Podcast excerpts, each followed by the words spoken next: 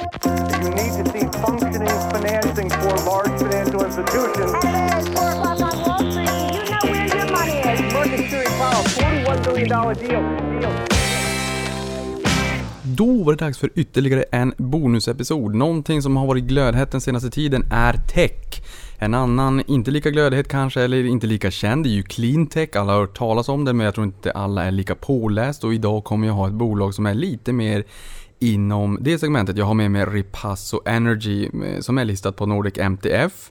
Har ett börsvärde på 731 miljoner kronor och jag har med mig ordförande och storägare Sven Sale. Varmt välkommen till podden! Tack så mycket Niklas. Kul att vara här. Jag hoppas jag så rätt där om tech och cleantech också. Vi kommer i alla fall prata väldigt mycket om det kommande timma.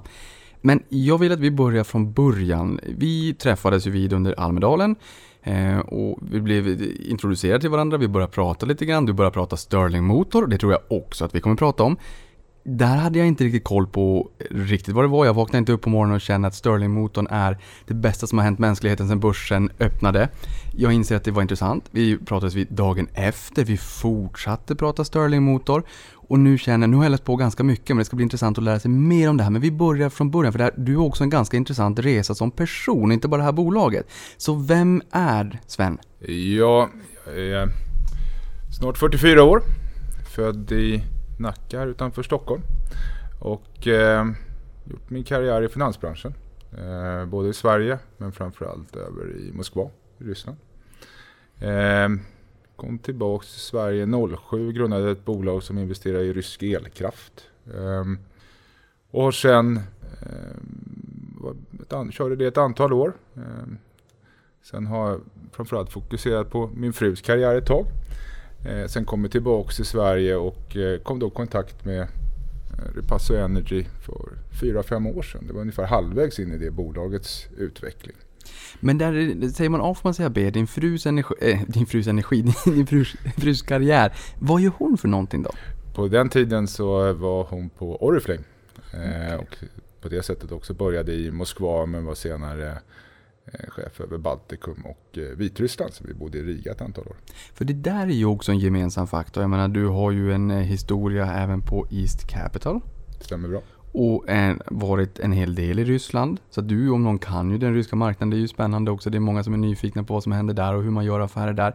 Berätta lite grann om eh, den utsvävningen i Ryssland. Ja, från början så var det nog en felaktig slutsats i mitten på 90-talet att allting redan var gjort i västvärlden och skulle man göra någonting spännande så fanns det i Ryssland. Eh, så jag började åka över, och lära mig lite ryska. Kom i kontakt med East Capital på den tiden. De hade bara 15 miljoner kronor under förvaltning. Så jag gjorde lite back-office-jobb efter universitetet för dem. Och eh, sen hände det rätt mycket där. Och eh, Peter Håkansson som driver och har skapat eh, East Capital tog med mig och lärde mig att sälja fonder, vilket på den tiden, 99-2000, eh, var en ganska svår sak att övertyga folk om att det var en bra idé att investera i Ryssland. Ryska börsen föll 83% där vid 98. Ja, vad Peter då såg var ju att, att socker faktiskt hade förändrats och var på väg upp. Men det var inte så många som var intresserade. Det intresset kom först senare. Eh, men hans ihärdighet att resa runt och, och sälja den här storyn gjorde ju att de som hoppa på i tid blev ju rikligt bedömade. Sen i och med att man då hade kontakter med Ryssland så såg man att eh, folk var på väg tillbaka och saker började hända. Så att eh, 2003 så sökte jag jobb på en mäklarfirma däröver som heter Trojka Dialog. Eh, och helt enkelt åkte över och mäklade aktier både mot skandinaviska kunder då, det vill säga Rysslandsfonderna men även lite andra europeiska kunder. Och hade väl väldigt tur med tajmingen. Det började i februari 2003 så köpte då eh, BP TNK för 3 miljarder dollar. Det var väl den första riktigt stora utländska investeringen som var första tecken på att man återigen var intresserad av Ryssland. Och sen var det ju en rätt otrolig resa och väldigt, väldigt mycket kapital som kom in på den ryska marknaden de kommande fyra åren. För eh, därefter, Ripasso Energy grundades ju 2008. Kan du berätta om vad var det som, hur såg resan ut till dess att du landade och, och blev engagerad i Ripasso 2008? Där, det startade de i alla fall. När kom du in i bolaget och hur såg resan ut? Ja, Ripasso Energy eh, kände jag inte till så mycket just då. Däremot hade jag lite kontakt. Eh, Mårten Ahlström från Ahlström Capital i Finland satt i styrelsen för det bolag som jag grundade som heter EOS. Eh, och han talade rätt mycket om den här cleantech-fonden som eh, han skulle sätta igång. Och det visade sig som jag först har fått Eh, lär lära känna senare att han hade träffat eh, Gunnar Larsson som är vd och grundare för eh, Repasso. Slutet 2008, början 2009 och gjort en ganska ordentlig investering rakt av i, i brinnande finanskris. Och Gunnar fick då mandatet att bygga upp det här företaget. Jag kom inte i kontakt med Repasso förrän då 2014 när jag var tillbaka i Sverige och letade runt lite grann vad som skulle vara vettigt både att göra och investera i. Eh, och det var just genom Ahlström-familjen som eh, kontaktade och eh, jag åkte ner och träffade Gunnar Larsson i Göteborg. Vi var väl från helt olika världar. Jag var från finansvärlden och han var ingenjör. Men det matchade väldigt, väldigt bra från början. Det började med att jag jobbade som säljare på bolaget och köpte 10 procent då i det läget. Ehm, tyvärr när man började resa neråt då, så upptäckte man först då att eh, solcellerna hade blivit otroligt billiga. Och för att gå tillbaks där till eh, Repasso var ju, sattes igång som ett solbolag. Man skulle använda Stirlingmotorn och använda koncentrerad sol för att värma den här motorn och, och producera el.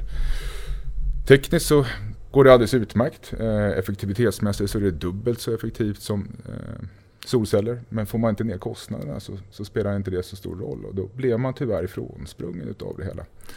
Men jag trivdes så pass väl i, i, i bolaget och såg nog att själva Stirlingmotorn som sådan hade andra användningsmöjligheter. Så att, eh, det slutade med att jag faktiskt gick upp till slut eh, två år senare som, som majoritetsägare och så småningom även tog eh, bolaget på börsen i november 2016. Ja, det är ju spännande just det där med solcellerna för jag menar, det finns ju kvar lite grann i bolaget än idag och det kommer vi komma in på. Men när man är in på er hemsida så skriver ni ju att med världens högsta effektivitet så gör ni elektricitet av industrins restgaser. Be- berätta mer om Ripasso Energy i det koncentrerade formatet, vad ni gör för någonting och gärna varför ni heter Ripasso också, vad, vad som ligger till grund för namnet. Ja, då skulle jag vilja gå tillbaks hela vägen till Stirlingmotorn som faktiskt principen uppfanns för över 200 år sedan av en skotsk präst som heter Robert Stirling. Och eh, han upptäckte då att man kunde använda en skillnad i värme för att eh, producera rörelseenergi som då kan driva en generator och producera el. Eh, sen hände inte så mycket med den här motorn. Eh, den hade några saker som behövde lösas. Dels så saknar den ett betydande vridmoment som gjorde att den inte passade speciellt bra in i fordonsindustrin. Eh, det är också så att det här är ju en sluten motor som eh, använder sig av så kallad extern förbränning. Det gör att vi i vårt fall har vätgas in i cylindrarna. För att det här inte ska läcka ut så behöver man ha väldigt goda tätningar.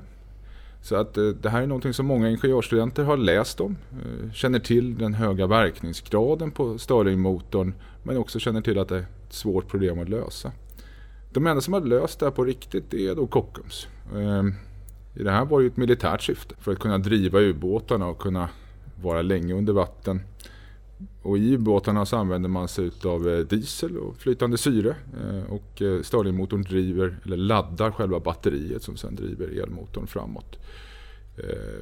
Positiva med försvarsindustri är att man kan ju investera ganska stora belopp och många mantimmar för att lösa det hela. Vad Kockums gjorde var att skapa både en stor Stirlingmotor i relativa mått och med en hög verkningsgrad. Men sen också en motor som är pålitlig och som har tätningar som håller. Det är den känsligaste delen på en Stirlingmotor. Det gör att man når väldigt långa underhållscykler och en god totalekonomi.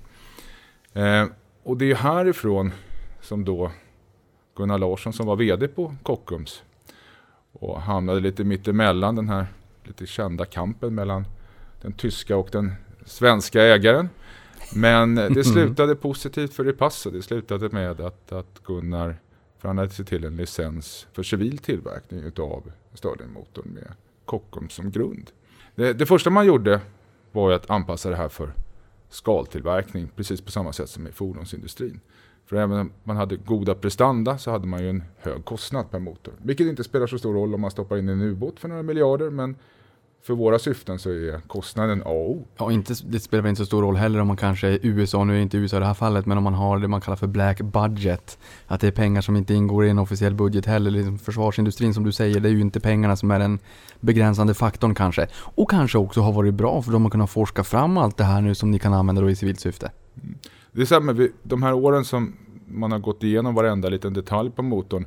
Kanske den mest extrema delen är ett litet, ska man kalla värmebatteri som i military spec kostar närmare 8000 kronor att tillverka och vi i serietillverkning kommer nog kunna tillverka för en 17-18 kronor.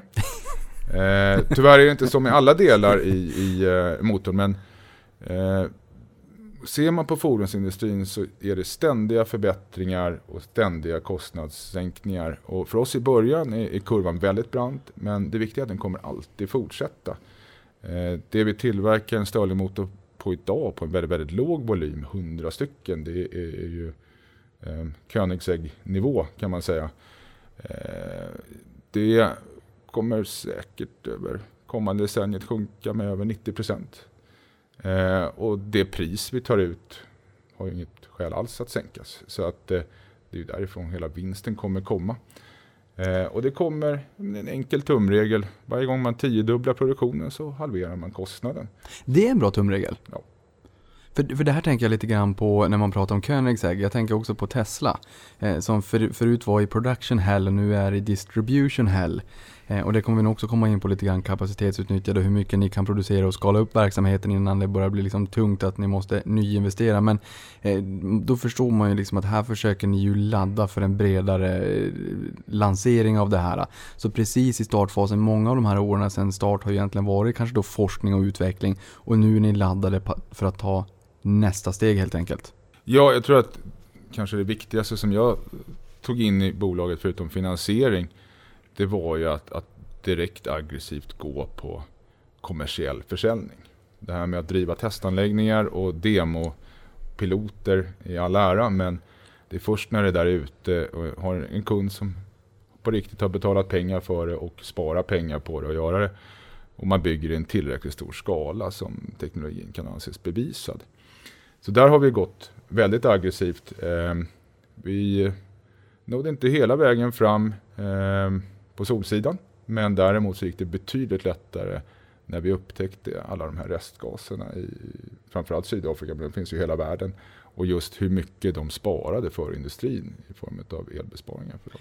Sen är det ju de som är tekniskt lagda då som lyssnar på den här podden kommer ju veta exakt vad du pratar om och har säkert läst spaltmeter i, studieböckerna också under studietiden.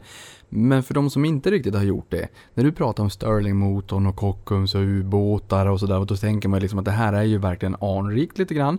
Men eh, också så låter det ju som en riktig eh, slitvarg så att säga. Kan du berätta lite mer just om Stirlingmotorn? för den är ju så viktig för er. För de som inte alls, för de som hör namnet Stirling-motorn för första gången nu. Eh, har vi något mer att säga så att man förstår liksom digniteten av just det här och även det avtalet att ni faktiskt helt obegränsat i tiden får använda den här teknologin för civilt bruk? Eh, Stirling, grundprincipen är att man omvandlar en värmeskillnad till rörelseenergi. I vårt fall då använder man så kallad extern förbränning. Det vill säga alltså bränner på utsidan, eller i solfallet värmer på utsidan med koncentrerad sol på ena sidan. På andra sidan kyler man ner motorn. I vårt fall så använder man motsvarande slutet vattenbursystem som man, man har i bilen, fast lite större än så. Och det är skillnaden i temperatur. Eh, ju högre den är, desto bättre, desto mer verkningsgrad och effekt får du ut. Eh, den varma sidan på vår motor begränsas egentligen utav materialet och att det ska hålla under en lång livstid. Eh, så vi begränsar det till 720 grader, kan väl gå lite högre. Men, och sen är själva motorn sluten. Det innebär att inget bränsle in i några cylindrar, inga tändstift, ingenting. Som konstruktion så är den mycket mer lik en växellåda. Eh, och då, en växellåda på en modern bil idag behöver nästan aldrig servas. Och det är samma sak som vi ser med stadiummotorn. Så när vi säger att vi har 25 års livstid på den här motorn så är det snarare en underdrift. Förmodligen kan man hålla igång den bra mycket längre. Det är de yttre delarna som då exponeras. I det här fallet när vi bränner restgaser så eh, är det för att föra över värmen in i motorn och omvandla det här till, till energi. Ja, och då tänker jag också fordonsindustrin. De vill ju snarast att eh, de här prylarna inte ska hålla lika länge som vad era prylar då håller. För då finns det ju lite OEM-marknad och lite reservdelar och sådär. Men eh, för, vad, vad är själva andemeningen då? Ripasso, det är... Man bränner liksom gaser idag som egentligen bara är att elda för krokarna. Och här kommer ni ju in och löser ett problem. Det kanske egentligen inte är ett problem, men ni kommer in och säger att ja, men elda inte för kråkorna, det här kan ni ju omvandla till pengar och sänka kostnader i bolagen. Berätta mer, what's in it for the customer i, i det här fallet och använda Pastos produkter?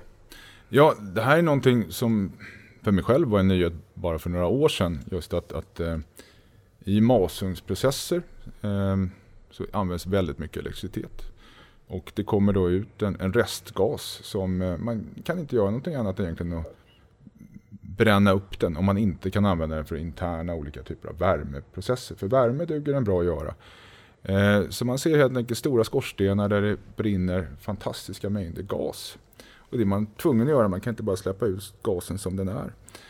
Eh, och eh, vi är ju långt ifrån de första som har försökt att tycka att det här är slöseri och att man borde göra någonting åt det. Men när man har gjort det här med förbränningsmotorer som då skiljer sig med Stirlingmotorn i och med att man tar in en gasmotor, man för in gasen in i motorn och då helt plötsligt blir den här gasen problematisk. Det är i det fallet vi jobbar på nu så är det eh, CO-gas och eh, vätgas eh, och den förekommer i olika stora mängder. Det varierar själva kvaliteten på gasen. Det är otrolig mängd. Den stora kostnaden blir till att på något sätt rena och stabilisera den här gasen innan man kan förbränna den på en motor. Det är den delen man slipper när man använder Stirlingmotorn. Vi eldar gasen precis som den är. Eh, och det spelar ingen roll om den har lägre energiinnehåll eller högre energiinnehåll. Det är väldigt, väldigt lätt för oss att anpassa. Och direkt omvandla den till el som vi helt enkelt säljer tillbaks till eh, då själva fabriken. Och eh, de i sin tur har en tredjedel av sina kostnader är el. Så att eh, besparingar på elsidan är väldigt, väldigt välkommet. Eh, och eh, när man då kollar på just fallet ferrokrom i Sydafrika. Ferrokrom är för övrigt något man använder för att, i eh, tillverkning av rostfritt stål. Eh, då sparar man el, kostar för industrin i Sydafrika 50-55 öre per kilowattimme. Eh, vi tillverkar för 17-18 öre, allting beror på lite grann hur du finansierar det. Men i runda tal så har man en återbetalningstid på utrustningen på tre år. Och den håller i 25. Det där måste vi nästan stanna vid. För vi måste nästan säga det en gång till. Det är alltså en pay-off-tid på tre år och den håller i 25. Ja. Det låter ju som mumma. För det här är ju allt som jag har förstått det hela rätt. Det är ju gaser och sådär som finns där i dagsläget. Som bara eldas för krokarna i vanliga fall. Ni kommer till kunden och säger Hörni, vi kan sänka eran största kostnadspost eller en av era största kostnadsposter i bolaget. Nämligen energikostnaden i framställning och produktion. Det, det är vad ni ännu producerar. Ja. Och sen så har, är, är den avbetald på tre år och den håller ju då i 25 så att säga, minst som du sa. Så det är ju, det är ju en ren vinst egentligen efter tre år. Fram till att den där säger tack och hej.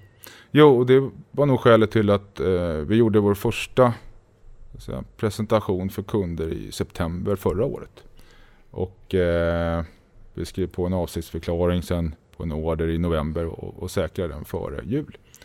Eh, och så snabbt ska det egentligen inte gå att sälja helt ny teknologi som vi inte hade någonting annat än, än några korta tester på hemmaplan. Eh, och eh, vi jobbar ju redan nu på, på betydligt större orderstorlekar även fast vi fortfarande inte har levererat en kommersiell anläggning. Eh, så att så pass intressant är det och det Självklart var ett viktigt syfte när bolaget grundades att det skulle vara bra för miljön. Men det har visat sig att trots allt så är det någonting som folk inte är beredda att betala stora pengar för. Det som vi gör när vi säljer till den här industrin är att det räcker med argumentet att man sparar väldigt mycket pengar. Sen, all el vi producerar är ju el som de sen inte behöver köpa från, från nätet. Och I Sydafrika är det väldigt viktigt för att 90% är koleldad el. Eh, men rent ekonomiskt så vi sparar någonstans 15-18 procent av deras el. En tredjedel av kostnaden är el.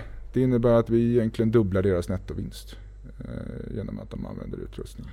Det är ju väldigt intressant och just det där indirekt också som du säger att även om eh, det kanske inte är solklart eh, bra för miljön direkt så indirekt så minskar ni ju i sådana fall då efterfrågan på elen i det vanliga nätet som är just mycket kolkraft. Så att indirekt så blir det väl en, en positiv effekt. Nettopositiv det vet jag inte men positiv i alla fall. Mm. Eh, Du pratar ju om det här med att sänka kostnaderna upp till en tredjedel kan vara energikostnader. Eh, Hur pass känslig är försäljningen för fallande energipris? För nu sa du ju här en, en siffra per kilowatt som var väldigt hög i Afrika och där hör vi ju lekman som jag är då i alla fall att man inte alltid, Afrika är väl 54 länder mig veterligen, att man kanske inte alltid vet om det finns energi eller inte. Sydafrika kanske är mycket bättre än i andra delar av Afrika. Men eh, ni skriver att den här eh, Powerblock 400F, vi kommer komma in med på vad den är, eh, levererar elektricitet till ferrokromindustrin till rekordlåga 17 öre per kilowatt, det var du in på den siffran. Men ser man en avtagande effekt om energipriser faller? Nej, risken skulle snarare i Sydafrika vara den omvända. Eh, om man kollar på allting, förnyelsebart eller konventionell eltillverkning så finns det inget som kan tillverka el så här billigt. Eh, kanske några få fall beroende på hur man räknar på vattenkraft och geotermiskt och det finns ju inte överallt tillgängligt helt enkelt. Eh, så det här är ju faktiskt ett lägre pris än till och med vi i Sverige har som kanske är det industrialiserade land som har bland de lägsta elpriserna. Ja, vad Så- kan vi ha idag? Jag har väl 40-45 kilowatt kanske på min räkning. Ja, ja, industrin tidigare för några år sedan betalade kanske 20 öre per kilowattimme. Det har ju stigit uppåt. Ja, för hur funkar det där? Liksom- Jag tänker nu bara som jag som lekman, mitt senaste elavtalet, där vill man ju bara somna när man ser det. Men då var det 20 kilowatt. Sen gick det upp jättemycket, jag vet inte priserna på Nordpol och hur det utvecklades för mig som konsument. Nu är det 40 eller 50 eller något sånt där. Hur, hur vanligt är det att subventionera Sverige, om vi tittar bara kort bara, på svensk basindustri? Är det, är det kraftiga subventioner på energipriser eller funkar det? Oj, det var lite grann utanför mitt område men, men industrin betalar betydligt mindre. Men jag, Mm. jag skulle säga att det har dels att göra med lägre distributionskostnader. Man är helt enkelt en stor köpare. Eh, men sen har det väl också med energiskatter att göra. Eh, så att den, som med allting annat vi köper här i Sverige så är det ju trots allt staten som tar den största delen. Men hur är det i Afrika då? Ja, i Afrika så eh, är det egentligen bara ett land som har ordentligt utbyggt elsystem historiskt och det, det är ju Sydafrika. Eh, jag skulle säga att den största hindret för Afrikas utveckling är just att man inte har eh, tillförlitlig eh, elproduktion. Eh, och det är också att i Sydafrika byggdes ut ett stort transmissionsnät men det var ju mer anpassat för vad ska jag säga, apartheidregimens eh, syften och tankar och den industri man ville gynna och den befolkning. Eh, den är ju inte moderniserad att göra så stora eh, infrastruktursatsningar. När man bygger ut ett elnät så generellt så kanske man kan säga att en tredjedel i själva kraftgenereringen, en tredjedel i transmissionen och en tredjedel i distributionen, alltså lågvolt ut till kund. Eh, och eh, det är ju det sättet vi, vi transporterar el. Vi ser ju definitivt att vi går mot en mycket mer distribuerad eltillverkning. Och där passar ju vår containerlösning väldigt bra in. Eh, vi använder sig av olika bränslekällor och tillverkar elen betydligt närmare där den ska användas. Eh, och det är också så att det har varit ett väldigt fokus när man kollar på sol och vind och på ett visst specifikt kilowattpris. Eh, får man ju tänka på att den kilowattimmen är ju bara tillgänglig kanske 25% av tiden. Och så som vi konsumerar el så har det ju faktiskt att göra med att, att vi, det viktigaste är att den alltid är tillgänglig. Eh, och eh, det försöker man då lösa med olika lagringslösningar. Eh, men det har ju vi kunnat lösa med, med Powerblock här är att vi har så fort de producerar, vilket oftast är 92-94% av tiden, man försöker använda det här kapitalet som man investerat så mycket som möjligt. Då finns gasen tillgänglig och vi kan producera el. Och det är, har varit en stor, det är viktig del till att vi når ner till så lågt kilowattimmepris. Det är att vi nyttjar vårt kapital nästan hela tiden. Eh, för precis som de andra så har man en stor kapitalinvestering i början och ganska låga marginalkostnader för att producera el. För, för där tänker jag också, de här fabrikerna, vad är typkunden? Har man ju förstått, Ferrokrom har, har vi ju sett har eh, bjudit upp er till dans. Men vad finns det för andra? Men det finns ju mycket fabrik som släpper ut och förbränner i Afrika. Men jag menar, du pratar ju också om det här med att det är väldigt många länder, eller kanske bara Sydafrika, som har den här stabila elförsörjningen. Jag tänker sjukhus och allt sånt där, där det verkligen är kritiskt att det finns energi. Kan de i framtiden vara potentiella kunder? De kanske inte förbränner någonting på samma sätt och då behöver man ju någon form av distribution till dem. Är det bara fabrikerna som är potentiella kunder? Nej, det här är, eh, och det är väl det att vi har talat väldigt mycket om ferrokrom. Skälet till att vi kom in där var att vi, sydafrikanen som har hjälpt oss in i den här branschen har jobbat tre decennier i ferrokrom och såg att vi löste ett direkt problem och eh, fick en väldigt snabb payback. Och det är också det att vi kan bygga relativt stora stationer på varje plats, vilket underlättar när man sätter igång. I längden så är naturligtvis just den här containerlösningen väldigt bra för off-grid lösningar.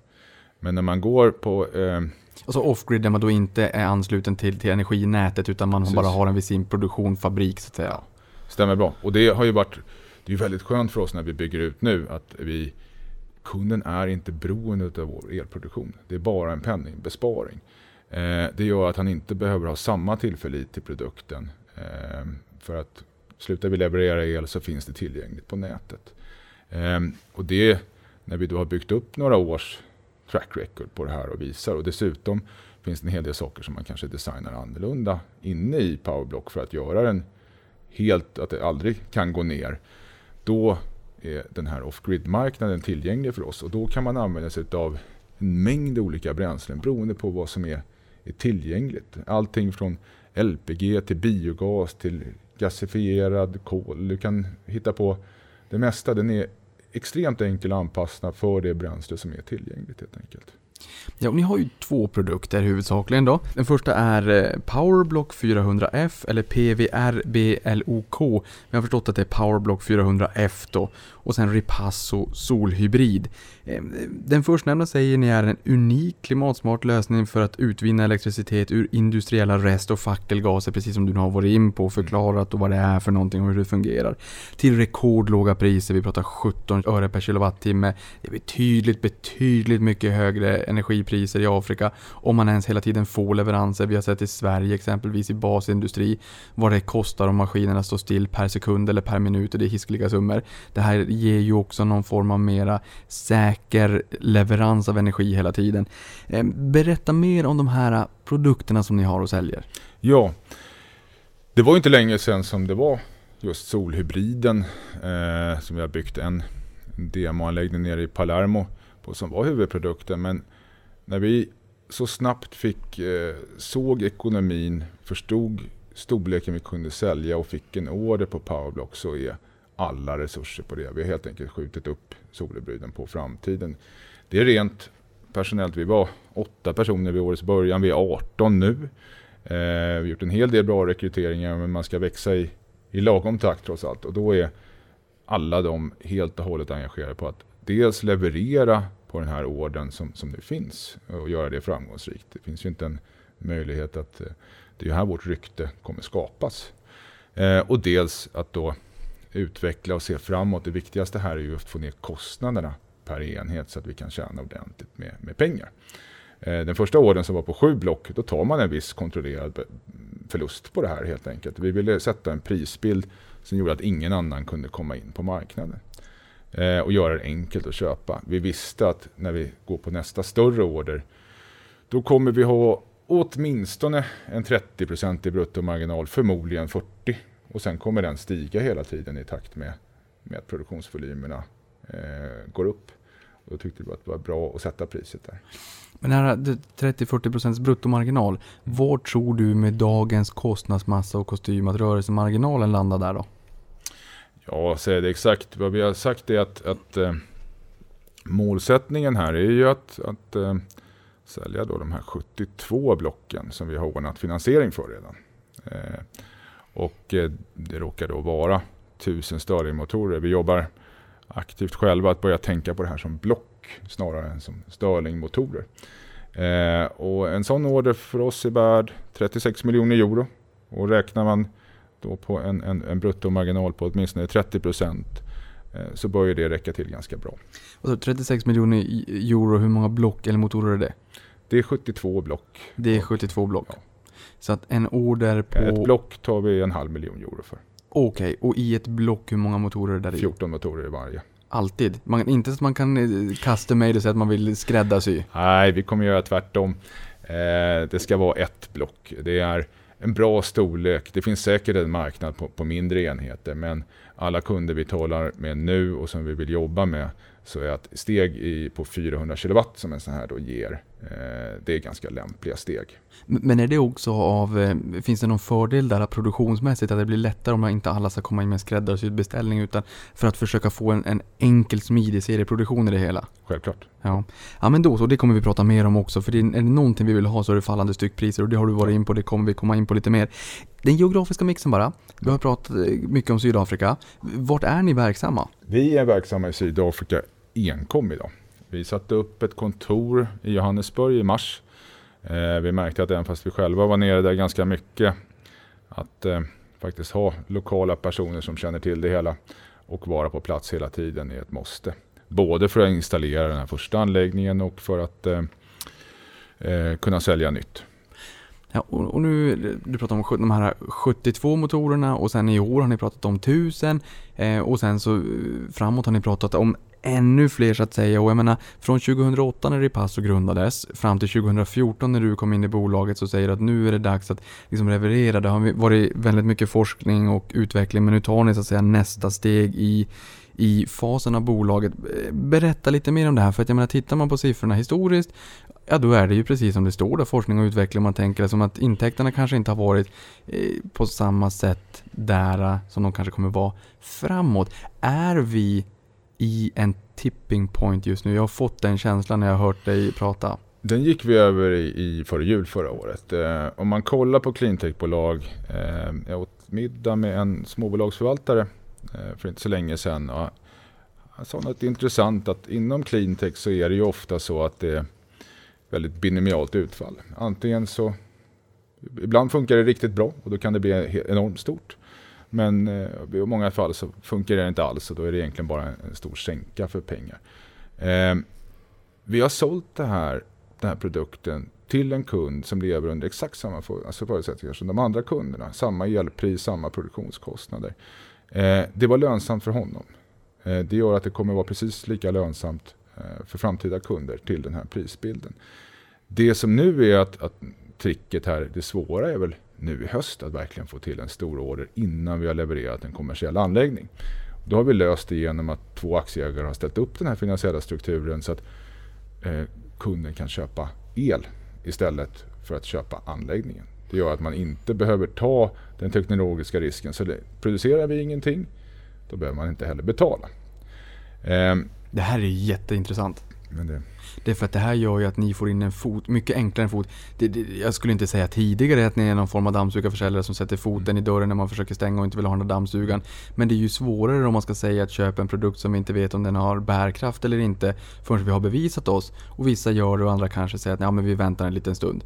Men här blir ju tröskeln att säga ja mycket mindre om man får möjligheten att istället för bara köpa elen den genererar istället för att köpa hela produkten. Mm. Nej, vi, i maj-juni nästa år, när första anläggningen har tickat några månader, då ska det ju inte vara speciellt svårt att sälja det här. Det är ju ja, löjligt lönsamt. Men eh, att kunna göra det redan nu är nog det här en förutsättning eh, att, att göra det. Men det är därför, för att gå tillbaka till din fråga tidigare på tipping point. Eh, jag skulle säga att, att Repasso blir framgångsrikt ser jag som en självklart. Frågan är hur framgångsrikt? Klarar vi av att leverera och skala upp i stora volymer? Eh, och, och klarar vi av att nå den här goda lönsamheten som jag utlovar och, och växa och hålla den här aggressiviteten framåt? Eh, men att vi kommer klara av att eh, sälja en stor mängd powerblock. Eh, vi marknadsför trots allt bättre villkor nu i och med att vi då man bara behöver, man behöver inte ta någon teknologisk risk eh, än vad vi gjorde tidigare och vi lyckades sälja det då. Eh, och man går ju ändå inte och spontanshoppar sju stycken powerblock. Nej, det gör man inte. Och ni är definitivt inga dammsugarförsäljare, det var bara en klassisk liknelse. Men för där tänker jag också, hur, hur, ser upplägget ut här om man då vill köpa den här? Säg att man, man kanske gärna vill köpa den här teknologin, det här powerblocket, eh, men eh, man kanske inte riktigt har finansieringen på plats. Antingen så, så köper man den av er, eller sen så, så, så sätter ni den på plats och sen så säljer man elen istället. Man kanske får köpa den i slutet som gamla hem-PC-datorn för 20 år sedan. Eh, finns det någon annan finansieringslösning om man inte har pengarna på plats i dagsläget? Jag tror helt klart att vad vi har träffat på så även väldigt, väldigt stora bolag som skulle kunna finansiera sig själv väldigt billigt. Vi talar ju med deras lokala bolag eller produktionsanläggningar på de här marknaderna. De ser ogärna att de sätter upp någonting som inte har med kärnverksamheten att göra på balansräkningen. Men det är än, än mer intressant är att de är beredda att betala för det. Eh, det innebär att för oss att gå mot en lösning där vi finansierar oss på obligationsmarknaden och fortsätter äger de här blocken och leasar ut dem ter sig väldigt, väldigt attraktivt. Det ser ut att kunna bli än mer lönsamt att man får en ganska stor marginal även på att kunna leasa ut dem. Eh, det har också att göra med att 25 års livslängd, det är inget annat som har. En förbränningsmotor är slut på 8 år. Eh, någon gång i början på nästa år när vi har kommer nog folk lita på att de här grejerna funkar. Vi vet det idag, kunderna kommer lita på det då. Men även då så tar det en ganska bra stund att faktiskt få dem att lita på att de här grejerna håller i 25 år. Det innebär att de kommer ju värdera det kanske som att de håller i 8 år. Eh, då är det bra mycket bättre att vi fortsätter att äga dem för vi vet ju att de håller i 25 år. Vi kommer kunna få full avbetalning på dem på mindre än 8 år. Och eh, ekonomiska värdet av ett powerblock som har gått 8 år kommer att vara i stort sett identiskt med vad det är idag. Det är bara att det kommer att vara helt avskrivet. Så att eh, när vi ser att vi har möjlighet att finansiera det här och få förtroende på obligationsmarknaden så är det en naturlig modell att gå framåt. Jätteintressant. För att, och precis som du, det är alltså de här sydafrikanska bolagen vill inte ha det på egen balansräkning, kanske får skriva av det här mycket, mycket snabbare i, än att gå till revisorn och säga men det är 25 år, de säger att det är det. Nej, det ska vara kortare än så. Ni äger dem. Hur ser lönsamhetsmässigt ut? Alltså att ni behåller dem och säljer elen kontra att de köper den här själva. Är det någon differens där? Nej, det man får helt enkelt eh, dubbla marginaler. Vi får ju samma marginal på försäljningen kan man säga som man finansierar. Men sen så när man räknar på vad som är möjliga leasepriser så, så talar man åtminstone om 20% IRR på de här eller mera. Eh, det. Så egentligen, det är ju ingen nackdel att det, det, om det nu då boomar så att säga just det här med att man inte vill ha det på egen balansräkning och att man hellre leasar det av er. och Till och med som du säger är beredd att betala en premie för att slippa det på egen balansräkning. Det är ju en trend som spelar rakt i händerna lite grann på er. Ni vet ju hur länge de håller. Vi vet hur länge de håller men vi vet också om att eh, i dagsläget så levererar vi de här blocken och lovar ungefär 30% bränslekonverteringsgrad. Det är långt under de 45% som eh, Stirling rent teoretiskt klarar av. Eh, det är inte så viktigt när bränslet är gratis. Men det kommer att vara viktigt att få upp bränslekonverteringsgraden i senare skede. Och det här kommer framförallt göras med delar som inte har med grundkonstruktionen på motorn att göra. Utan runt omkring delar som förbränningskammare och annat. Det gör ju att om vi äger det här på egen räkning och alla de typer av förbättringar som vi sen kan vi också lägga in på våra egna motorer som vi äger och dra full nytta av det själva i ett senare skede. Finns det några repetitiva eller omkringgärdande intäkter när man har sålt ett sånt här powerblock? Om ni då inte leasar ut utan när man då säljer det till en kund. Mm. Det kan ju vara så att ni får mer affärer i ett senare skede också men, men finns det några repetitiva intäkter kopplade till den försäljningen? Det är tätningarna. Eh, och tätningarna är de som vi då alltid kommer tillverka. Det är en så pass viktig och känslig del. Eh, och ingen annan kan göra det. Eh, de står för en del av O&M och eh, vi har också stora skalfördelar på dem. Ehm, och eh, i mindre projekt idag så prissätter vi dem inte speciellt aggressivt. Det har att göra med att vi har en ganska hög kapitalkostnad. Vi är ett, ett nytt bolag. Eh, vad vi får år 25 i dagsläget är inte lika viktigt. Eh, men den har vi alltid möjlighet att kontrollera. Det är viktigare för oss att ha ett bättre försäljningspris på Powerblock och få direkta intäkter. Eh, helt enkelt för att vara ett självförsörjande bolag. Men eh, den delen kontrollerar vi och kommer alltid kontrollera. Jo, för det här är också intressant för vi, alldeles strax kommer vi in på marknadspotentialen bara i Sydafrika och jag kan eh, berätta lite grann redan nu att vi kommer prata om att det är en ganska stor potential. Vilket innebär att om ni får ut mera powerblocks, jag menar ni eh, klarade 100 i fjol. Ni har en prognos som är betydligt mycket högre än 100 eh, både i, i år och framåt. Det jag tänker på när den installerade basen ökar så inne, det är ju som hissar, det ska servas varje år. De här tätningarna, för varje år som går, ju mer ni säljer desto mer powerblocks där ute har ni ju som ska ha reservdelar sen, som in, tätningar som ingen annan kan tillverka. Tror du, och det här är ju inte kärnverksamheten, det förstår jag också, men tror du ändå i framtiden när det finns jättemycket powerblocks där ute att det kan bli ändå en ganska behaglig del av intäkterna och som också har stabil och ganska höga marginaler? Inte nu, nu men framåt. De eh, kommer säkert ha 50-70% marginal ja, i längden. Så att, Riktigt trevligt. Eh, den här, det här Kockums och, och Stirling-motorn och ni har ju liksom evigt eh, tillstånd att, att eh, tillverka den här för civilt bruk. Men finns det någon risk där? Jag menar, här här för evigt och kan inte backas och har ni några egna patent som omgärdar den här teknologin som ni kan stå på?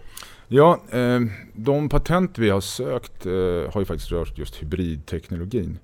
Eh, men när vi har gått ut nu och, och talat en del med kapitalmarknaden så strategin tidigare har varit egentligen att hålla allting hemligt.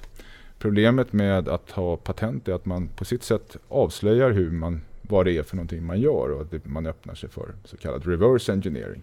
Då måste man ha resurser att kunna försvara de här patenten. Så att det kanske finns enligt mig en viss övertro på det.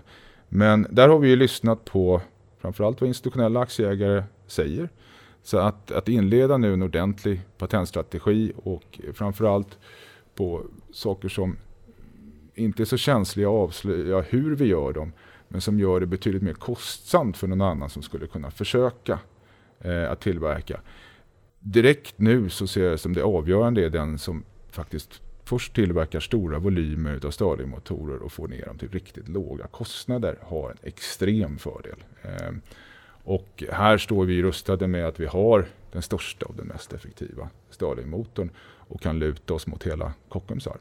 För när du säger största och mest effektiva, hur ser konkurren, eh, konkurrensbilden ut? För det är ju ingen annan där ute om jag förstått det rätt som får göra det här i civilt bruk. Inte på den basen från Kockums, nej. Nej, men fin, vad, vad har ni för konkurrenter då? Eh, inte på det här användningsområdet alls. Eh, och eh, det finns ett antal olika Stirling-motortillverkare. Men de verkar mot helt andra branscher och eh, helt andra storleksklasser på motorer. Skulle jag säga. I fjol så eh, nådde ni mål då med 100 Stirling-motorer. Vi, nu har vi lärt oss att i ett powerblock är det 14. Ja. Eh, I år har ni pratat om 1000. Ja. Eh, sen har ni pratat om 3000 nästa år, 2019. Och att marknadspotentialen i Sydafrika uppskattas till ungefär 9000 Stirling-motorer Mm. jämfört med fjolårets 100. Bara för att betona det, då förstår man, aha, det finns en möjlighet, det finns alltid risker såklart också. Ehm, Det här låter ju mumma. Kombinerat med stordriftsfördelar också, för är det någonting som jag har förstått är viktigt så är det ju styckpriset och inte för att priset blir mindre för den som köper utan för att marginalerna blir bättre för er. Berätta lite mer om eh, styckpriset, lönsamhet, marginaler, än den operationella hävstången och hur mycket ni kan pressa priserna. Du sa ju att eh, tio gånger mer då halverar man produktionskostnaden. Det stämmer och det är ju inte bara volymsiffran även fast den är viktig. För att kunna få ner, det här har ju väldigt mycket att göra med hur man jobbar med underleverantörer och vilket förtroende underleverantörerna har för oss att kunna sälja stora volymer. Eh, tror de på det så är de beredda att investera i verktyg som möjliggör lägre kostnader till oss. Eh, det har också att göra med på själva powerblock-nivån att rationalisera det här. Vi har ju tagit en motor som var gjord för sol och stoppat in 14 stycken. Det finns en hel del saker som ska anpassas för det vi nu ska använda den där som kanske är onödigt och dyrbart och kostsamt. Vi kan göra den betydligt enklare. Eh, och det såg vi då eh, med eh, de här första sju powerblocken så på motornivå så kom vi faktiskt in 10% lägre än prognosen som sattes för tio år sedan på, på kostnadsnivån på det här. Trots en svag kronkurs. Men på blocknivå, eller på själva blocket så kom vi in högre än vi hade tänkt oss. Eh, och det har väl att göra med att vi har jobbat med motorn väldigt, väldigt länge medan eh, själva containerlösningen som vi då den eh, sätts samman utav AQ Enclosure uppe i Vaggeryd. Börsnoterat. Och, eh, eh, och trots att, att eh, vi tror oss kunna en hel del och det kan de också så har vi jobbat med det väldigt kort tid. Det kom egentligen igång i januari i år. Eh, så där finns det stora rationaliseringar att göra och framförallt just att tänka på det som ett enda block. Sen i större me- volymer möjliggör också att eh, tala med andra leverantörer, antingen lokalt, eh, där kanske det är mer aktuellt på själva containerlösningen än själva motorn håller vi så nära vi kan. Eh, motorn tillverkas i Sibbhult idag och vi har jobbat med Sibbhultsverken där nere. Då kommer vi tillbaka till det här med växellådan. Det var ju Scania lastvagnars gamla växellådefabrik. Eh, så det här är ju en på det sättet väldigt liknande konstruktion. Spännande. Eh, Det här med eh, Vaggeryd och Sibbhult. eh, Någonting som har varit en trend eh, de senaste åren är ju outsourcing till låglöneländer. Ja.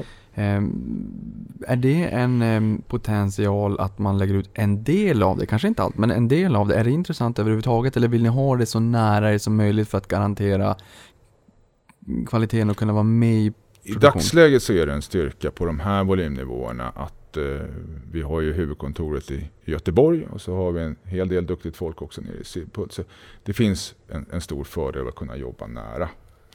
Eh, och om man ser på, det här är ju, eh, jag vet att Sibbhultsverken tror jag har inte mer än 14 procent av totala tillverkningskostnaden som är personalkostnader så att det är väldigt automatiserat.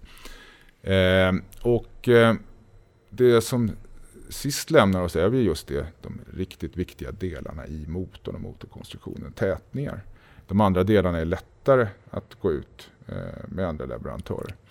Eh, men att nu kunna leverera vad som är kanske 90 procent av hela ordervärdet i en container tillverkad i Sverige och sen göra den så färdigt som möjligt så att egentligen bara när den kommer till on- on så kopplar man upp den till lokala elnätet, man kopplar in gasen och man sätter dit en kylanläggning. Det är väl i huvudsak de saker. Det är väldigt simpelt, det är väldigt enkelt och vi har stor kontroll över att vi vet att vi levererar en kvalitetsprodukt. Större volymer eh, och stor närvaro på vissa lokala marknader tillåter eh, naturligtvis outsourcing.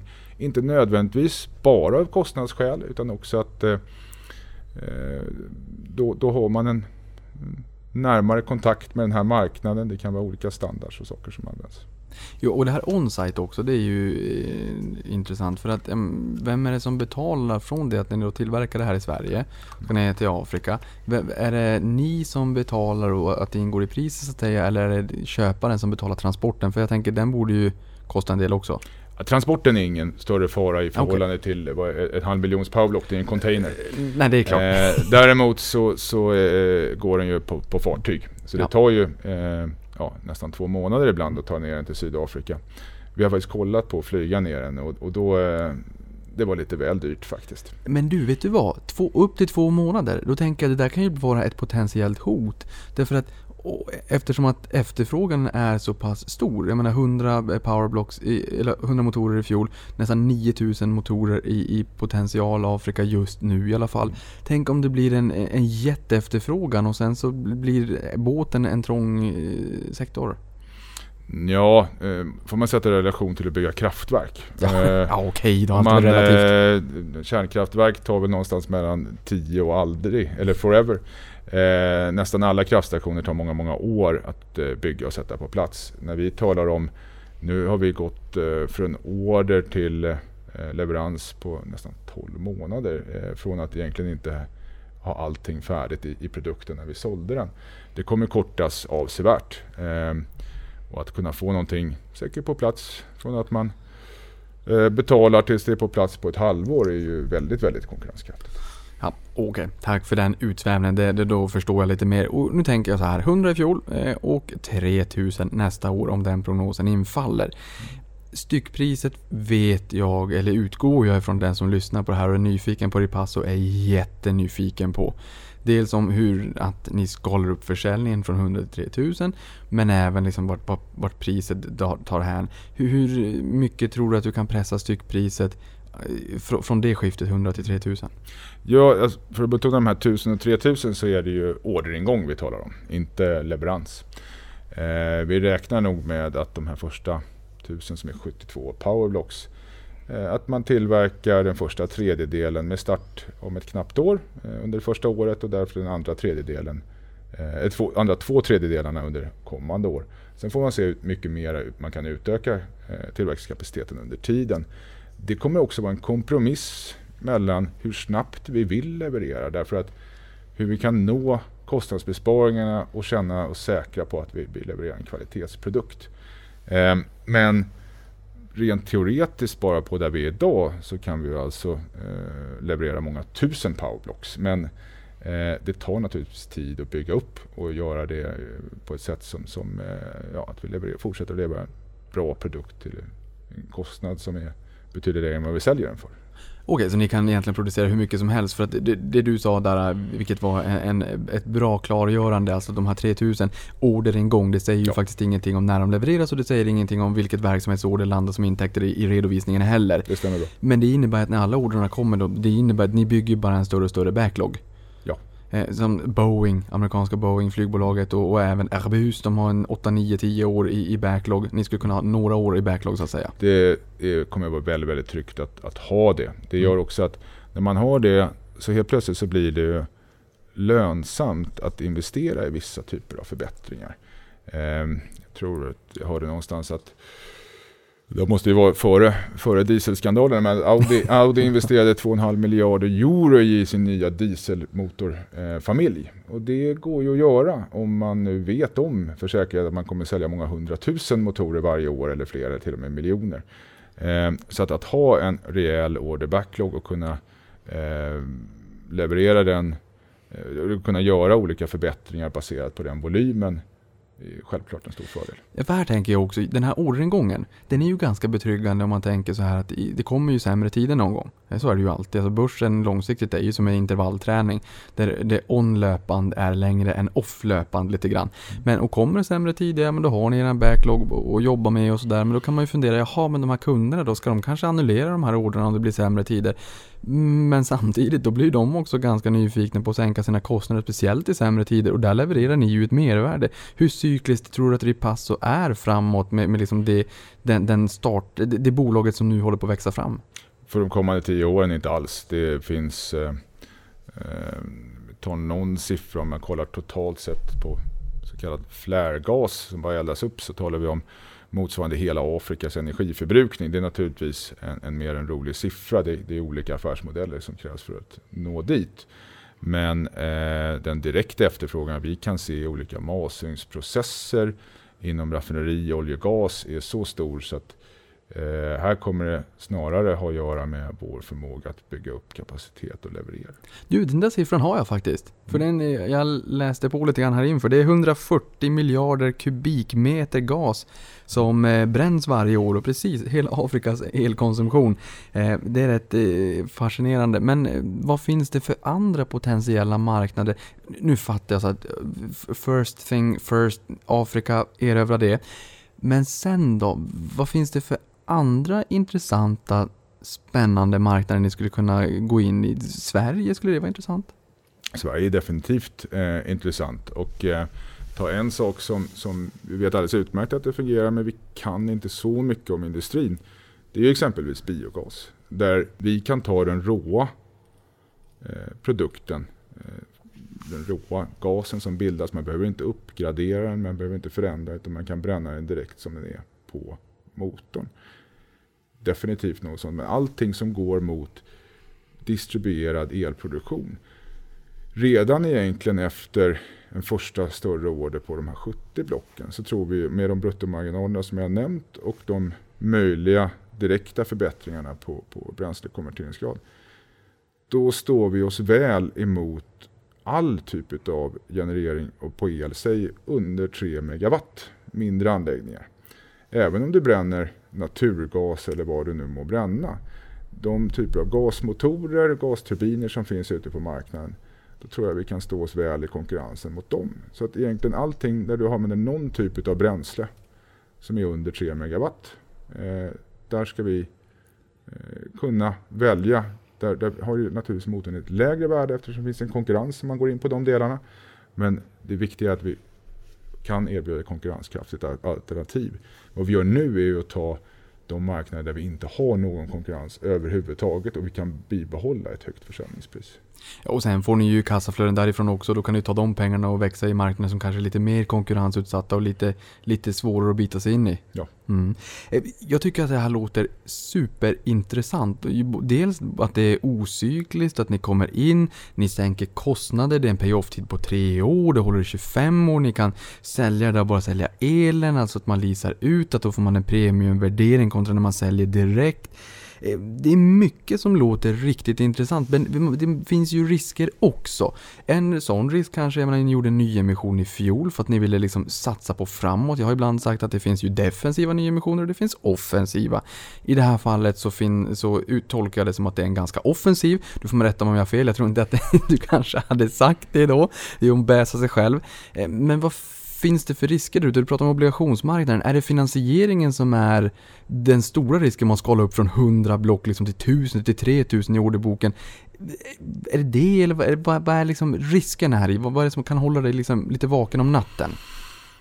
Ja, vad som är vaken om natten nu är naturligtvis först och främst att vi, vi framgångsrikt levererar den här första anläggningen. Man ska inte glömma bort att vi inte har gjort det ännu. Den ska gå kommersiellt och eh, visst är vi övertygade om att det här kommer gå bra.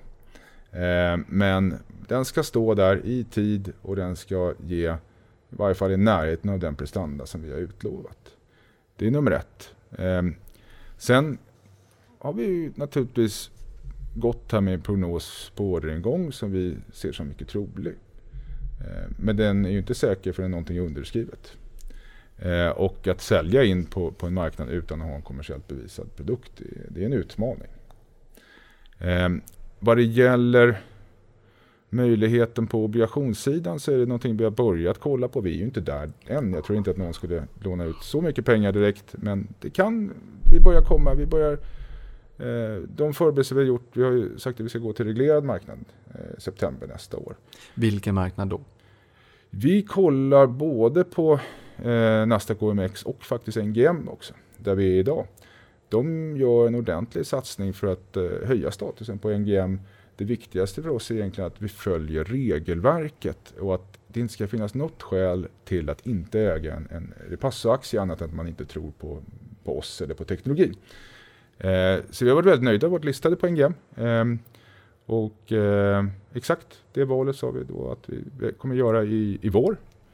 Eh, och eh, börshandel ser ju väldigt annorlunda ut idag än vad det gjorde för tio år sedan.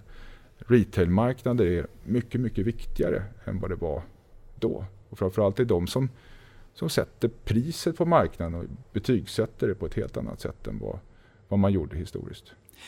Finns det någon tanke kring när ni sitter och funderar på lista, marknadsplats, eh, Eh, för hur internationella investerare ställer sig? Vi har pratat mycket tech, 26,5% av amerikanska börsen, Cleantech är inte riktigt lika hett men, men det, är, det bör ju rimligtvis ha en strukturell tillväxt. Bevisar ni er, levererar det här först, allting håller så bör det ju också finnas ett intresse från utländska investerare. Vi är på rekordnivåer i Sverige överlag. Eh, finns det någon tanke där och för ni diskussioner med internationella investerare? Är det, så här, du kan inte säga något som du inte kan säga, men, men får ni mycket intressanta propåer där de är nyfikna på er? Ja, det här är naturligtvis syns vi ganska eh, ordentligt internationellt. Just nu är det mer fackpress och liknande. När det gäller just vilken marknad man är noterad på så, så var jag runt i våras och, och kollade både Frankfurt och London. Och, eh, eh, speciellt om man går mot den här leasingmodellen så finns det ett bolag som heter Agreco som är listat i London. Eh, som använder sig av den lite annorlunda men, men dock eh, kan man se att det här skulle kunna vara bra jämförelse. Man upptäckte att där blir vi väldigt små. Eh, det är svårt att fånga intresse och eh, att hela tiden eh, känna och möta investerare. Det är lättare i Sverige. Ehm, Gunnar och jag försöker vara runt på olika aktiesparträffar. Vi spelar in lite filmer med Finwire. Det är ganska svårt att komma igenom bruset på det sättet. Vi har väldigt, väldigt många bolag av olika kvalitet listade i, i, i Stockholm. Men det faktum att vi svenskar och folk känner till Kockums och kan tala om och har en stor vikt. Det är ju inget som hindrar en utländsk investerare att köpa aktier på, på Stockholmsbörsen. Tvärtom så här är ju någonting där Sverige är verkligen betydligt större än vad vi är i förhållande till vår befolkning i, i världen. Ehm, Frankfurt är en marknad där man mycket mer är intresserad av på obligationssidor och annat. Så det kan vara intresse där. Men från aktiesidan så är, har vi ett väldigt stort aktieintresse. i, i Sverige. Ja, och nära på om vi räknar med alla konton, även kapitalförsäkringarna, så vart femte människa i Sverige har faktiskt aktier. Om man exkluderar det så ligger vi på en 12-13 procent ungefär. Så det är ju ett stort intresse, även finnarna tycker om det. Eh, ni är ju parallellnoterade i Tyskland, varför mm. då? Ja, dels därför att eh, NGM erbjöd det här och eh, vi ville synas där. Eh, det saknas fortfarande en koppling mellan, det är ju samma ägare, eh, Börsen Stuttgart. När den kopplingen väl kommer in så att det faktiskt samma likviditet syns. Eh, då kan vi nog se, och då kommer vi ha betydligt större marknadsaktiviteter eh, även i Tyskland. Vi tror ju att vårt bolag som sådant med eh, den här typen av teknologi och skulle passa tysken och Sverige som sådant har ett ganska gott namn. Det, vi är listade där nu och så fort det börjar vara möjligt att skapa likviditet där så kommer vi marknadsföra oss betydligt bredare. Det är också intressant att ha en handelsplats i euro just för att eh, utländska institutioner ska kunna göra det rakt av i euro och prissätta i euro exempelvis. Ni befinner ju er i Turning Point. Man skulle kunna se det här stora Boeing 747-planet taxar ut på, på banan. Man hoppas att motorerna håller, att det är ett mm. eh, kraftigt powerblock i det här flygplanet och, och lyfter. Eh, men trots det att, att liksom, det är precis nu det här händer så vill jag ändå fråga liksom, hur har synen på cleantech, för det är där ni befinner er, hur, hur har eh, synen förändrats under tiden 2014 när du kom in i bolaget till idag. Du kanske inte enkom kan prata om Repasso för att nu är ni i ett helt nytt skede och ett nytt kapitel i livet eller i börsbolagets liv. Men generellt synen på de här bolagen, hur, hur har den förändrats under de här åren? De stora investeringarna kom väl ungefär 09-10. Då kom det många cleantech green-fonder som öppnade och gjorde investeringar. Till skillnad mot tech där det gjorde många framgångsrika exits och därmed fanns kapital som är intresserat av att, att satsa igen på nya idéer så var ju inte det fallet i cleantech. Det gjordes nästan ingen exit överhuvudtaget. De här fonderna blev fullinvesterade och fick snarare kämpa mot att ständigt nya nya missioner. En del av de här bolagen har ju fått eh, lite mera eh, luft under vingarna. Eh, jag tror, eh, och det är själv att gå till reglerad marknad. Jag tror att en hel del av dem förmodligen kommer falla under de närmsta åren. De som de som har bidrag och nyemissioner som huvudsakliga inkomstkälla, eh, de kommer inte hålla helt enkelt. Det här är dyrt att hålla på med. Minns nu, nu äger jag ju en dryg tredjedel av bolaget men det var ju ett tag när jag ägde drygt hälften och dessutom eh, var den enda finansieringskällan. Och att vakna upp på morgonen och, och, veta att det enda som är säkert idag är att jag är 100 000 kronor fattigare. det, det, krä, det, det tar lite grann på nerverna. Ja. Eh, och eh, så det krävs ju en viss långsiktighet i det här. Eh, och då vill vi så snabbt som möjligt när man kollar på, skrev till och med det i vår hållbarhetsanalys heter det väl i årsredovisningen. Hållbarhetsrapporten. Hållbarhetsrapporten att nummer ett det är att tjäna mer pengar än det kostar att driva bolaget. Det är en förutsättning. Vi avstår helt från all typ av bidragsfinansiering. Det är någonting som vi ser totalt snedvrider eh, vad man pysslar med. Hade vi tagit bidrag för eh, till exempel inom, inom solhybriden och lovat folk att leverera på just det och sen hittat möjligheter med powerblock. Att då vända om bolaget i den riktningen hade varit fruktansvärt svårt. Det ser fint ut från början att få gratis pengar som man ser det men det, det ger väldigt, väldigt felaktiga eh, incitament. Och det är tyvärr ett antal av de bolagen som vi kanske utifrån sett eh, jämnstora med och som finns på börsen som, som tar emot de här stora delarna och egentligen det försenar deras behov av att skapa en produkt som är kommersiell och som går att sälja utan några som helst subsidier. Det är helt rätt. Fast jag, eh, vem- är jag att säga det? Men, men jag tänker liksom lite grann på den svaga kronan. Det har ju också gjort att många industribolag i Sverige, alltså basindustrin i börsnoterat klimat, de blir lite fat and happy och kanske blivit historiskt. Man behöver liksom inte vässa sig och bli bättre på att konkurrera och skapa bättre produkter och innovation för att en billigare krona gör att man är billigare i internationella eh, köpares ögon och så får man bara den här vind, vinden i ryggen. Eh, den effekten har börjat vända lite grann. Det har kommit en rapport nyligen från Riksbanken. Intressant att, att läsa kring den. Är du nyfiken du som lyssnar, in och läs där. Ratos har haft lite bekymmer. Egentligen 2007 var det många investeringar innan finanskrisen slog till. Det vart lite jobbigt för dem. Ett sånt var ju vindkraft i Kina med femårsplanen som sattes on hold. I det här fallet vill jag bara betona det du sa nu, att ni alltså inte är beroende av subsidier och, och, och, och, någon form av subventioner, eh, utan det här är ju livskraftigt på egna ben. Ni sänker kostnaderna på en gång här och nu. Det är det som är tanken för de här bolagen i Sydafrika. Inte bygga det här på, på, på vad heter det? Eh, subventioner. Ja, och det är alla typer av, av subventioner. Det kan både vara direkta kapitalinjektioner i bolag men om man ser i Sydafrika där vi höll på även på solsidan så såg man att de hade haft ett väldigt framgångsrikt program med sol och vind. Eh, helt plötsligt så på grund av att, att staten kände att de hade lite för lite pengar så stora, stora investeringar hade gjorts för att, att, att gå med i de här eh, så aktionerna som de hade. Men under två år så tecknade man inte ett enda köpavtal. Att då agera som litet bolag och helt plötsligt så ändras förutsättningarna. Eh, det har varit extremt befriande att ha så lite som möjligt att göra med någon som helst stat utan gå direkt till privata stora bolag och egentligen bara erbjuda en, en besparing. Det gör eh, en helt annan stabilitet och livskraft i det. Någonting jag tänker på också det är ju eh, Sydafrika som jag förstått det är en stor potential upp till 9000 motorer i dagsläget. Det kanske också växer. Eh, ni har ju öppnat ett kontor i Sydafrika var du in på. Eh, ni är inte jättemånga anställda i bolaget.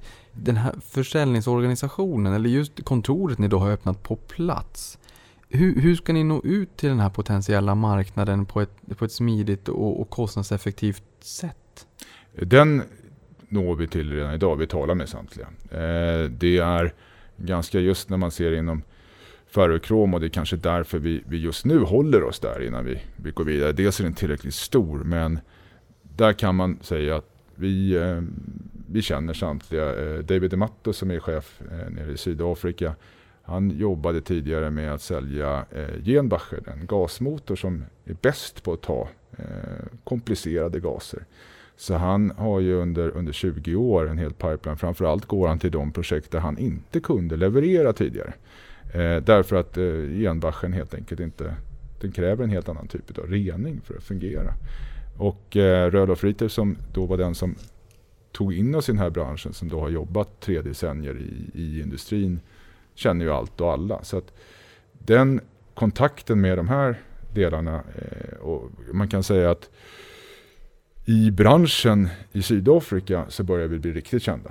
Eh, det gör att, att eh, kunder kommer till oss, seriösa kunder. Vi har egentligen aldrig haft problem med, med eh, vi har ju som jobbar med IA här, eh, Carl Lindqvist som, som eh, sitter och tar emot alla e-mail vi får runt om i världen. Och det, det saknas ju inte förfrågan. Det, det kommer in några stycken om dagen på alla möjliga saker. Men det, kan ju vara, det kan ju vara rätt eh, knepiga projekt och lite verklighetsfrämmande förfrågningar. Och då och då kommer en annan seriös. Så det gäller att, att sortera ut det där. Men, men eh, den marknadsnärvaro vi har i Sydafrika idag och möjligheten att sälja, den är vi väldigt nöjda med. Den behöver inte utökas i dagsläget. Kul att höra. Eh, och också att ni får in väldigt många förfrågningar. Eh, jag önskar bara att det, det kanske eh, som andel av förfrågningarna går upp mer av de här som inte är så verklighetsfrämmande då. Ja, det är roligt, det kommer allt möjligt. Ehm, som jag har förstått det så har ni inte prisat, ni kanske behöver ett erkännande och sådär. Och det börjar ni få mer och mer, mycket fackpress i Sydafrika. Men, men jag har förstått att ni inte har prisat er lägre för att få in en fot i marknaden. Så det finns inte den potentialen så att säga när ni blir etablerade och börjar få mycket orders i Afrika att man höjer priset på de här utan det är samma pris hela tiden. Det skulle säkert gå att höja priset. Eh, En, när en bevisad teknologi går säkert att sälja på fem års payback istället för tre. Men eh, eftersom vi tjänar så pass bra pengar eh, på den prisnivå vi, vi satte nu så är det volym.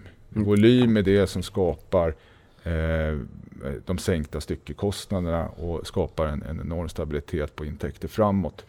Eh, så att även det skulle vara lockande att kortsiktigt ta hem lite mer pengar. Så att den här, här nivån Eh, Eh, är väldigt lämplig. Här kan vi bygga på riktigt, riktigt stora volymer och det är det som kommer göra det här företaget stort. Ja, men det här är ett volymspel som du säger. Marknaden finns där, ni får mycket förfrågningar, ni bygger orderbok, det är en lönsamhet, en bruttomarginal på 30-40%. Det känns, det känns ju som att bara ni materialiserar på de här framtidsutsikterna visionärt som du målar upp och det är kanske inte så visionärt, det ligger ju ganska nära i tiden. Så finns det ju en god potential och för de som tittar på redovisningen blir lite nyfiken när de lyssnar till dig och in och kika liksom att siffrorna är ju inte så roliga några år tillbaka, turning points sen slutet på förra året. När når ni break-even då? Kan du säga någon volym där äh, på vart du tror att från 100 motorer då i fjol till, till eh, kanske 1000? Vart, vart, eh, vart når ni break-even? Är det publikt? Nej, men det är enkelt att räkna ut och kolla vilka kostnader vi har och du ser ju på en, en bara en sån, skulle man ha den motsvarande orderingången som vi eh, då hoppas på i år. Den skulle vara motsvarande varenda år, den skulle aldrig vara ökande så skulle naturligtvis ja, bolaget var kassaflödespositivt. Plus att ni då sänker kostnaderna lite grann också ja. kanske och filar och effektiviserar. Precis. För det är just det här med kassaflödespositivt som är intressant. Det skulle, tror ni att ni når det i år? I år gör vi inte det för att vi kommer inte leverera eh, motorerna i år. Utan det är orderingången som kommer göra. Ja. Så orderingången? Orderingången är det, det, maximala vi kan hoppas på i år. Eh, produktionen av de motorerna eh, kommer i så fall inte sätta igång förrän till sommar nästa år. Och då vill jag påminna dig som lyssnare och för mig som då är lekman, orderingången när de kommer in säger ingenting om när de kommer ut och hur mycket ni, ni hinner producera och när ni hinner leverera dem. Men det är ju ordrar som man beställer då. Men när tror du, nu får du hjälpa oss här, när tror du under ett innevarande räkenskapsår att ni hinner tömma av så mycket i orderboken att det året blir positivt på sista raden? Det är lite för ska säga, exakt att säga, för det beror på hur många val. Säg så här, vi är inte finansiellt oroade på något sätt. Och det är det vi också tänker, då behöver vi inte vara jätteoroliga i närtid att det kommer en nyemission som är defensiv i alla fall. Behöver vi vara oroliga för nyemission? Om den kommer, är den, behöver vi vara oroliga för att den är defensiv? Defensiv, nej. Ehm, och eh, om man nu väljer att expandera väldigt snabbt, då kan det ju hända att man kollar på, på det hela. Men absolut inte defensiv. Ni har ju också förstärkt styrelsen inför mm. kommande listbyte. Vad har ni fått in för kompetenser i styrelsen? Ja, det kom Gunilla Spång, väldigt glada för att få in. Och, eh, hon var ju tidigare CFO på Prem och på ett antal andra börsnoterade bolag. Eh, vi hade faktiskt första styrelsemötet när hon var med igår.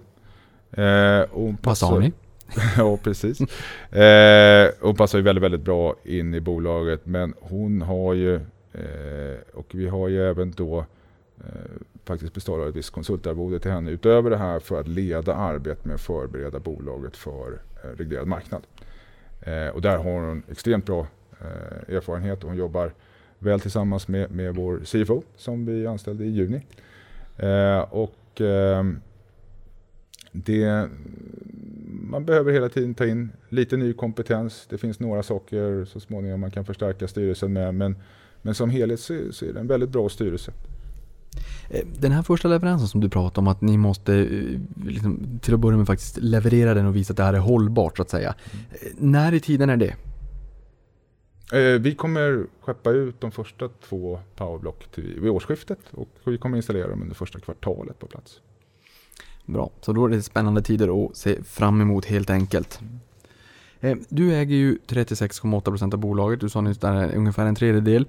Eh, har du någon exit på, på näthinnan eller kommer du liksom ro det här i hamn? För jag tror att de som lyssnar på dig just nu hoppas att få ett förtroende för dig och den resan som du visionärt målar upp för oss och det ni ska göra i bolaget. Men jag menar, ni har ett market cap på 731 miljoner idag. Nyckelpersonerna är ju viktiga. Mm. Så att, kommer du vara kvar? Det kan du ju såklart inte svara på. Du kan ju inte säga nej om svaret är nej, men, men utveckla. Jag, jag kommer vara kvar eh, så länge jag får förtroende på det sättet eh, och eh, driva det här bolaget framåt. Det, det var, fanns en tid när man kollade på olika strategiska investeringar när bolaget var privat för att kunna driva det vidare. Nu när vi har kommit så här långt och börjat producera så ser jag inget sånt behov. Eh, att ta. Det skulle snarare hindra att någon lägger sig i hur vi gör det här. För att det här kommer bli finansiellt stabilt. Eh, vi har gjort några fantastiska rekryteringar i år. Eh, vår CTO, eh, Heje Westberg, eh, som kom in i början på året. Eh, som lång bakgrund på Volvo och eh, har verkligen höjt upp oss till, till en helt annan nivå på utvecklingen och gör att det känns betydligt trygg, tryggare att kunna leverera det här. Hon har också lyckats locka till sig eh, ytterligare tre stycken personer som kom in efter sommaren, eh, också med olika bakgrunder inom fordonsindustrin och eh, som, som gör att vi känner oss än tryggare att kunna leverera på den här kostnadsnivån och kunna ha ett helt annat typ av kvalitetstänk. Det var en viktig del med den nyemission vi gjorde i december förra året, var att göra bolaget finansiellt stabilt. Eh, att ha, finnas i Göteborg finns det oerhört mycket duktiga ingenjörer som ja, hittills har vi kunnat vara attraktiva nog att, att kunna locka till oss de här personerna. Eh, där man, man, tycker att det är intressant att, att jobba för ett företag som faktiskt förändrar någonting och att man har kanske lite större påverkan som enskild individ än de, de riktigt stora jättarna. Ja, det här är intressant. Jag menar, du är så att säga, majoritet, inte majoritet, men du är storägare. Mm. 36,8 procent. Jag har sett att ni i mångt och mycket följer pilotskolan i bolaget. VD eh, kommer från Kockums. Ja. En gång i tiden också. Betryggande kan jag känna. Mm. Hur ser ägarbilden ut? Följer ni alla pilotskolan i bolaget? Ja, vi har då samtliga, eh, jag ska inte svära på vad det gäller eh, nytillkomna senaste styrelsen. Men i övrigt så det, det är ganska ordentligt med aktier i, i styrelsen. Eh, Gunnar äger både direkt och indirekt ett antal procent av bolaget så det är en väldigt stor del. Eh, och det, det, är också så att eh, det håller ju nere andra typer av kostnader. Jag själv tar inte ut något arvode överhuvudtaget. Eh, Gunnar har en, en, en väldigt eh, ska säga, moderat lön jämfört om man jämför det. Hans Gunnars och mitt öde är helt knutet till framgången för Repasso och eh, vad heter det, hur aktien utvecklas. Eh, och, eh, sen finns det naturligtvis väldigt många av de anställda som har intresserat sig och, och köpt in sig. Det blir ju känsligare när man blir noterad att man måste se till att eh, man följer alla insiderregler och liknande och att vi se till att hålla informationen väldigt tight. Ni har, du har ju uppenbarligen skin in the game. Eh, kort, ja, kort bara, eh, för de som är tekniskt bevandrade och som lyssnar på det här och som känner att jag vill också vara med på den här resan. Vilka människor söker ni? Du menar att jobba hos oss? Mm. Det ska man nog prata med Gunnar om på det hela. Eh, så att, men, eh, men visst anställer vi duktigt folk. Eh. Då är det bara in på sidan och kika och, och finns det inga tjänster så får ni helt enkelt mejla och säga att jag vill också vara med på den här resan. Hörru, sist men inte minst, eh, lite visionärt, vart befinner ni er om fem år? Och ta gärna med också det vi inte har pratat om som du tycker är viktigt för de som lyssnar på det här att veta. Om fem år så dels finns vi med, med befintlig produkt och användningsområde på flera marknader väldigt gärna också en mogen marknad. Du frågade tidigare om vad som håller en vaken. Sydafrika är det enklaste landet att agera i Afrika men det är, det är inte Sverige. Eh, så att, att, få in det på en mogen marknad eh, skulle ge ytterligare stabilitet eh, till bolaget. Sen naturligtvis att migrera till ytterligare ett produktområde, ett annat bränsle. Men vi ska också då vara på en nivå där tillverkningskostnaden är ja, långt under hälften utav försäljningspriset. Eh, som gör att, just som jag var inne på tidigare, att alla typer av bränslen fungerar. Vi kan konkurrera med all utrustning, även då gasturbiner och gasmotorer. Det gör att, att eh, man kan välja att gå in på den marknaden där man får lite lägre försäljningspris men man fortfarande tjänar bra med pengar och kan uppehålla volymerna. Vi ska få upp verkningsgraden på motorn. Eh, och sen naturligtvis eh, driva vad, vad vi, vi ska inte nödvändigtvis konkurrera med utrustning som redan finns utan vi ska kunna skapa så att säga, fullt tillgänglig el till ett OK-pris, ett acceptabelt pris på områden som idag inte elförsörjs. Eh, och det, då går man in just på den här off-grid-marknaden som på ett mänskligt plan är, är väldigt, väldigt intressant att se. Den skapar möjligheter för folk. Mm. Just eh, Kockums där också, royalty eller licenskostnader så att säga för Sterling-motorn för civilt bruk. Finns det någon risk där att de eh, stiger i framtiden eller? Det finns ett glasklart avtal. Det är bra. Eh, att, eh, Perfekt. Sven, det som jag tycker är intressant med att eh, den här podden, det är lite grann att kunna bjuda in olika personer, lära sig om någonting som jag inte alls kunde någonting om innan. Även om min far jobbar inom med motorer och allt sånt där så kan jag tyvärr säga att jag inte kunde jättemycket om Stirlingmotorn. Det har jag lärt mig mycket, mycket mer om tack vare det här. Stort tack för att du kom hit till podden. Jag tycker att det har varit riktigt intressant. Du är en fantastiskt intressant person att lyssna till. Jag hoppas också att det kommer materialiseras i bolaget framåt. Det kommer vi helt klart få se de kommande åren om så blir fallet. Jag håller tummarna för det. Stort tack för att du kom hit och berättade om Repasso Energy. Stort tack Niklas. Jag kom på en sak som jag vill lägga till. En utsvävning, jag gillar det. Kör på. Eh, med risk här för jag vet inte hur många som lyssnar men vi har ju försökt just att vi vi vill vara nära investerarna. Eh, så vi har haft eh, en gång i halvåret öppet hus nere i Sibbhult Det är bra. och eh, visat upp och det, det har varit ett 50-tal varje gång. Eh, vi får se hur många vi hanterar men håll lite uppsikt på vår hemsida och när vi utannonserar eh, på Placera och annat att vi har det. Eh, så är man hjärtligt välkommen. Eh, och eh, så är vi där och, och berättar så får man se på produktionsanläggningen och Stirlingmotorer och lite annat. Så att det är man ytterst välkommen till att göra. Det rekommenderar jag verkligen varmt. För är det någonting som jag har sagt är så viktigt. Det, både liksom inom unga aktiesparare och aktiespararna och allting. Ut och träffa bolagen. Ut och få en bild. Ställ era frågor. Få en känsla för personerna bakom bolagen. Och speciellt om det är platsbesök i produktion etc. Så man får se någonting man annars inte ser eller läser sig till i en årsredovisning. Så håll koll på hemsidan. Och sen säger vi tack för att ni har lyssnat igenom den här äh, någorlunda, någorlunda långa podden. Men det har varit riktigt, riktigt intressant. Tack hörni. Power, $41 billion deal. deal.